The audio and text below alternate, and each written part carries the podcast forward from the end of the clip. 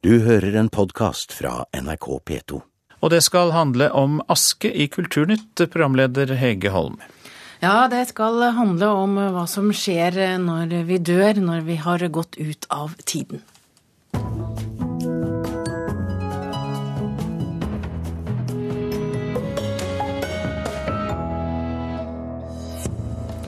Askespredning blir stadig mer populært, 50% økning siden 2003, og nå vil regjeringen myke opp reglene. Kommunene gir stort byggeoppdrag til dansk arkitekt uten konkurranse. Arkitektforbundet reagerer, og Janine Jansen heter ett av stjerneskuddene i det klassiske musikkåret 2012, mener vår anmelder. Du hører på Kulturnytt i P2. Jeg heter Hege Holm, og nå skal det altså handle om askespredning. I fjor ble asken etter om lag 500 mennesker spredt enten over hav eller fjell. Regjeringen gjør det nå enklere for folk å spre asken der de selv ønsker, og det synes bl.a. Geir Borgen er bra. Han spredte asken etter sin far i Oslofjorden tidligere i høst. Nå er vi på vei til eh, Ulvøya. Geir Borgen har grått, langt hår. Også for øvrig et sted som, eh, som eh, jeg vet at eh, faren min brukte som et utgangspunkt for å komme ut på fjorden. Tidligere i høst gjorde han noe flere og flere gjør. Det var en grå dag en søndag i begynnelsen av november. Litt kjølig, litt regn i lufta. Og dattera mi og jeg hadde bestemt oss for å ta kajakkene og padle ut midtfjords i, i Drøbak-området for å, å, strø asken der. Når vi bestem, hadde bestemt oss for hvor vi skulle gjøre det, så la vi kajakkene inntil hverandre. Og så holdt hun urnen mens jeg skrudde av lokket.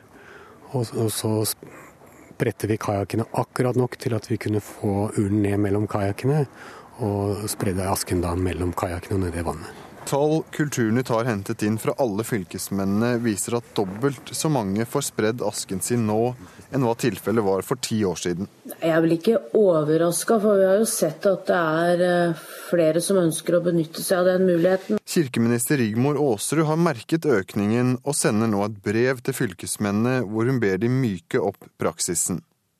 Slik vil enda flere få muligheten til å spre asken der de ønsker. Ja, det, det, som er nytt i det rundskrivet som vi nå sender ut, er at det går an å spre i elver og på innlandsvann. I det samme brevet presiserer Aasrud at det ikke er lov til å sette opp gravminnene i naturen eller å få inngravert navnet på en gravstein om du velger å spre asken din. Ja, Det vil ikke være mulig at vi skal ha minnesmerker rundt omkring i alle områder der man sprer aske. Og, og på gravplassene er det jo forbeholdt de som da blir gravlagt der. Det, det er rart. Og for meg så henger det da henger de litt etter tida. Det synes ikke Borgen noe om. Uh, og jeg tenker at I alle familier så vil det vel være noen som syns at det med askespredning er fint, og, og, det å kunne dra ut til fjorden uh, eller andre steder uh, er fint. Mens noen er kanskje mer tradisjonelle og vil ha gravsted, et gravsted å gå til. og Spesielt hvis det er et familiegravsted, at det kan være hyggelig å ha alle navnene der. I dag er det litt over 1% av de som dør som får spredt asken sin. Begravelsesbyrået Jølstad tror det tallet bare vil øke. At det er økende, det ser vi en tendens til. og Det er det undersøkelse som viser at det kommer til å fortsette. Jeg er Jan Willy Løken. Jeg er administrerende direktør, daglig leder i Jølstad begravelsesbyrå. Norstat undersøkte dette for oss i høst. De svarene vi får der på spørsmål om hvordan man selv ønsker å bli gravlagt, så svarer 8% at man ønsker askespredning enten på fjellet eller i havet. Tilbake ved Oslofjorden, og Geir Borgen står og ser ut over havet. Jeg, og, jeg, og jeg tenker at det er noe fint med havet, akkurat som, som med vinden, som, som er overalt på et vis. Jeg kan gå ned til havet enten jeg er her i Oslo hvor jeg bor, eller om jeg går ned til havet når jeg er ute på reise andre kontinenter. Så er det en forbindelse. Hvor jeg kan gå ned og, og, og, tenke og minnes. Reflektere over det som var. Ja, og det sa Geir Borgen til reporter Aksel Due. Og det å spre aske har ikke alltid vært uproblematisk for kirken. Fra å være skeptisk til skikken mener ikke lenger Den norske kirke at askespredning strider mot kristen tro på menneskets legemlige oppstandelse og håpet om evig liv. Men det var noe de bestemte tidligere i år. Og Knut Alfsvåg, du er doktor i teologi ved Misjonshøgskolen i Stavanger. Kan du forklare oss aske askespredning det er jo ganske nytt i Norge, men, men hvor kommer den skikken fra? Skikken eh, kom i utgangspunktet fra India, fra hinduistisk religiøsitet. Der i et religionshistorisk sammenheng den har sitt opphav. Men i moderne sammenheng så kommer den nok primært fra USA. Fordi eh, der er det blitt ganske vanlig at, eh, at en bruker askespredning etter kremasjon. Ja, og det er litt sånn jeg ser for meg litt amerikansk film når jeg tenker på askespredning. Ja, det henger nok sammen med det, og det er nok et ønske om å gi eh, også døden et, et mer individuelt preg. Gi mer rom for for en eh, fri utfoldelse av sin egen individualitet også i døden, som kanskje strider litt mot eh, den tradisjonelle norske sosialdemokratiske tenkning om at vi døden er alle jamsis like. Men helt konkret, hva er det som skjer hvis jeg bestemmer meg for at min aske skal spres når jeg dør? Nei, det eh, må du nesten spørre de som har, har gjort dette. Altså, Vi hørte jo i intervjuet her tidligere at der, der gis tillatelse. Den skal vel gis av Fylkesmannen. Og den eh, forutsetter at eh, avdøde og etterlatte ønsker å gjøre det slik, og da blir det også gitt. Men du syns ikke at Kirken skal eh, delta i askespredningsseremonier. Hvorfor det? Jeg synes at en godt kunne holde fast på den tradisjonelle kirkelige motstanden mot deltakelse i askespredning, som for så vidt er ganske utbredt i et økumenisk perspektiv. Det er relativt få kirker i et, uh, i et verdensvidt perspektiv som, som medvirker ved askespredning. Og det henger jo sammen med at askespredning nokså entydig er begrunnet i et syn både på livet og døden som avviker nokså markant fra, fra kristentenkning og det som alltid har vært grunnleggende for kristen gravferdsskikk. Ja, hva tenker du på da? Jeg tenker på det at uh, i, i, kristen gravferdsskikk har det alltid vært viktig å behandle det døde legemet med respekt. Og det henger sammen med både at uh, mennesket skapt i Guds bilde, slik at legemet betraktes som det fineste Guds skaperverk.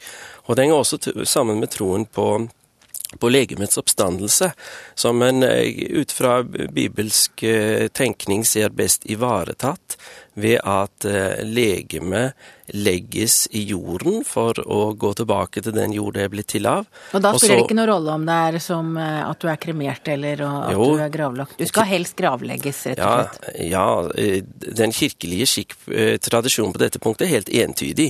Det henger også sammen med at i, i den første kristne tid så var, så var kremasjon en, en, hedensk skikk og ble brukt for kristne bare ved martyrer.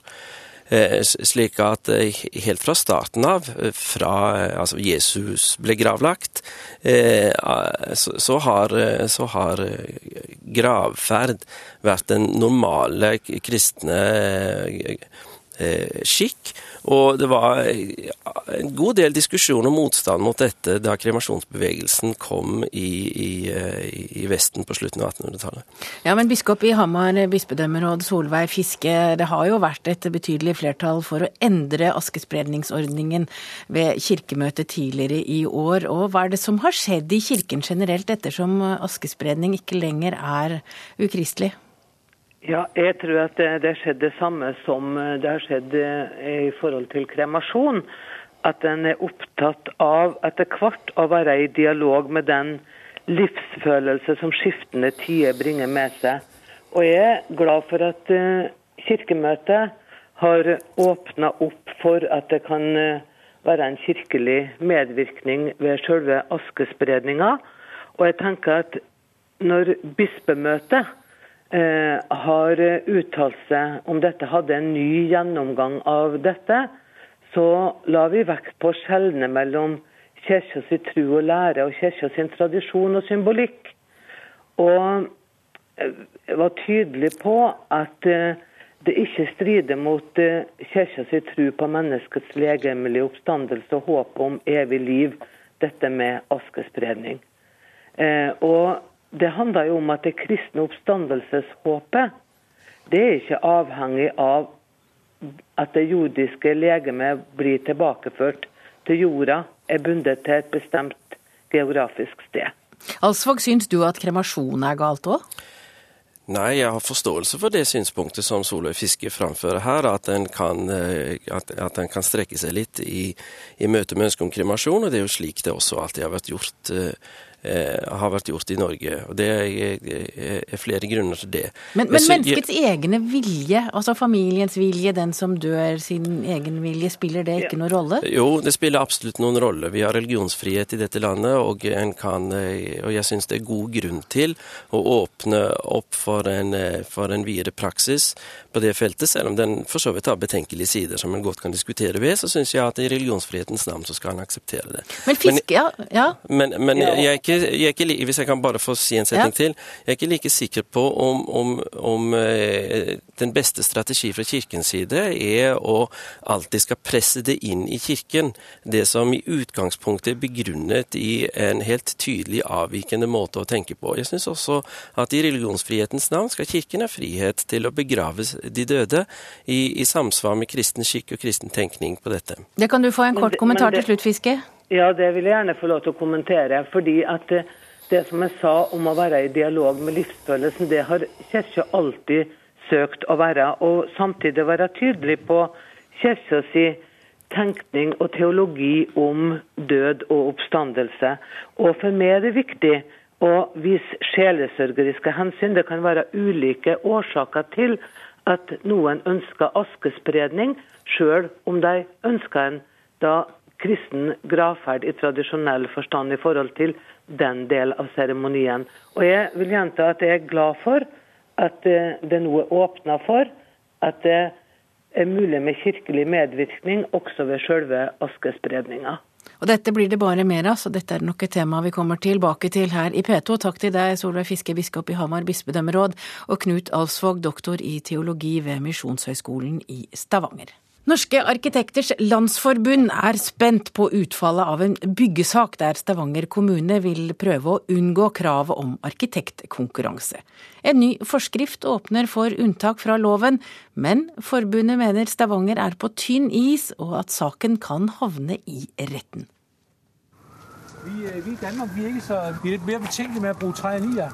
NRK var med på befaring i september, da politikere og byråkrater fra Stavanger fikk se boliger tegnet av den danske arkitekten Søren Rasmussen utenfor København.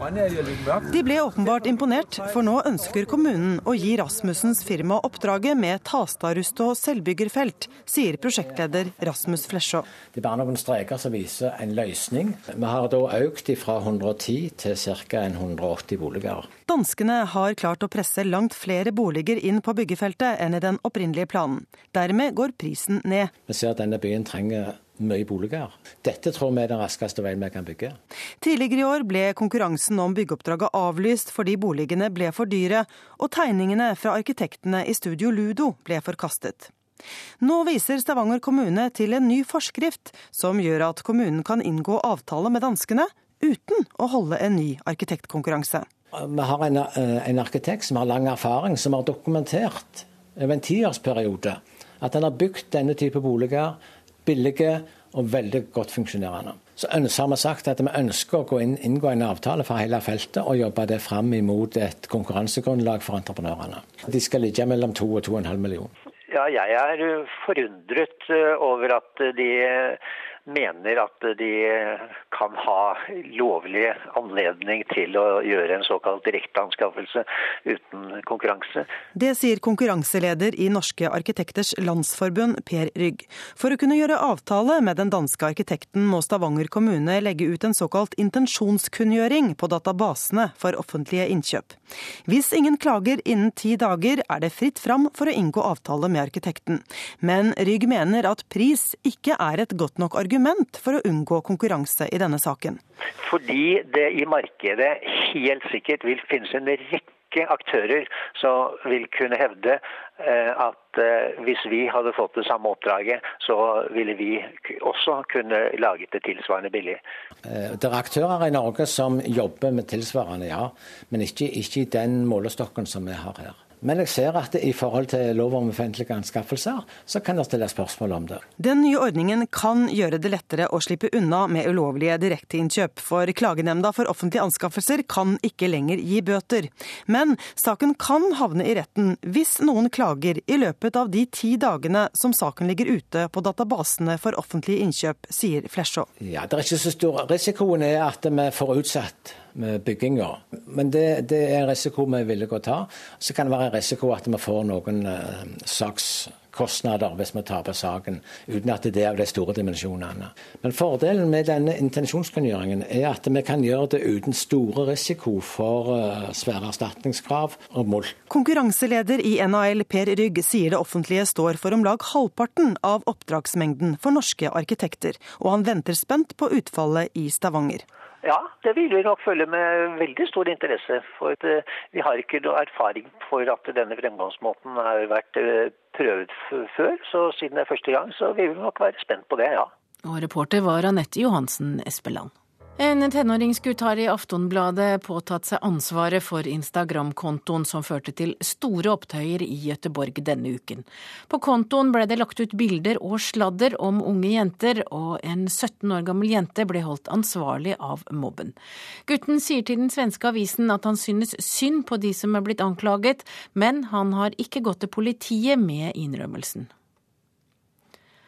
Utenriksdepartementet er nå ferdig med sin gransking av det pakistanske kulturminnemuseet Lok Virsa. Det var i januar i år at departementet startet arbeidet med å se nærmere på norsk kulturbistand gitt til museet.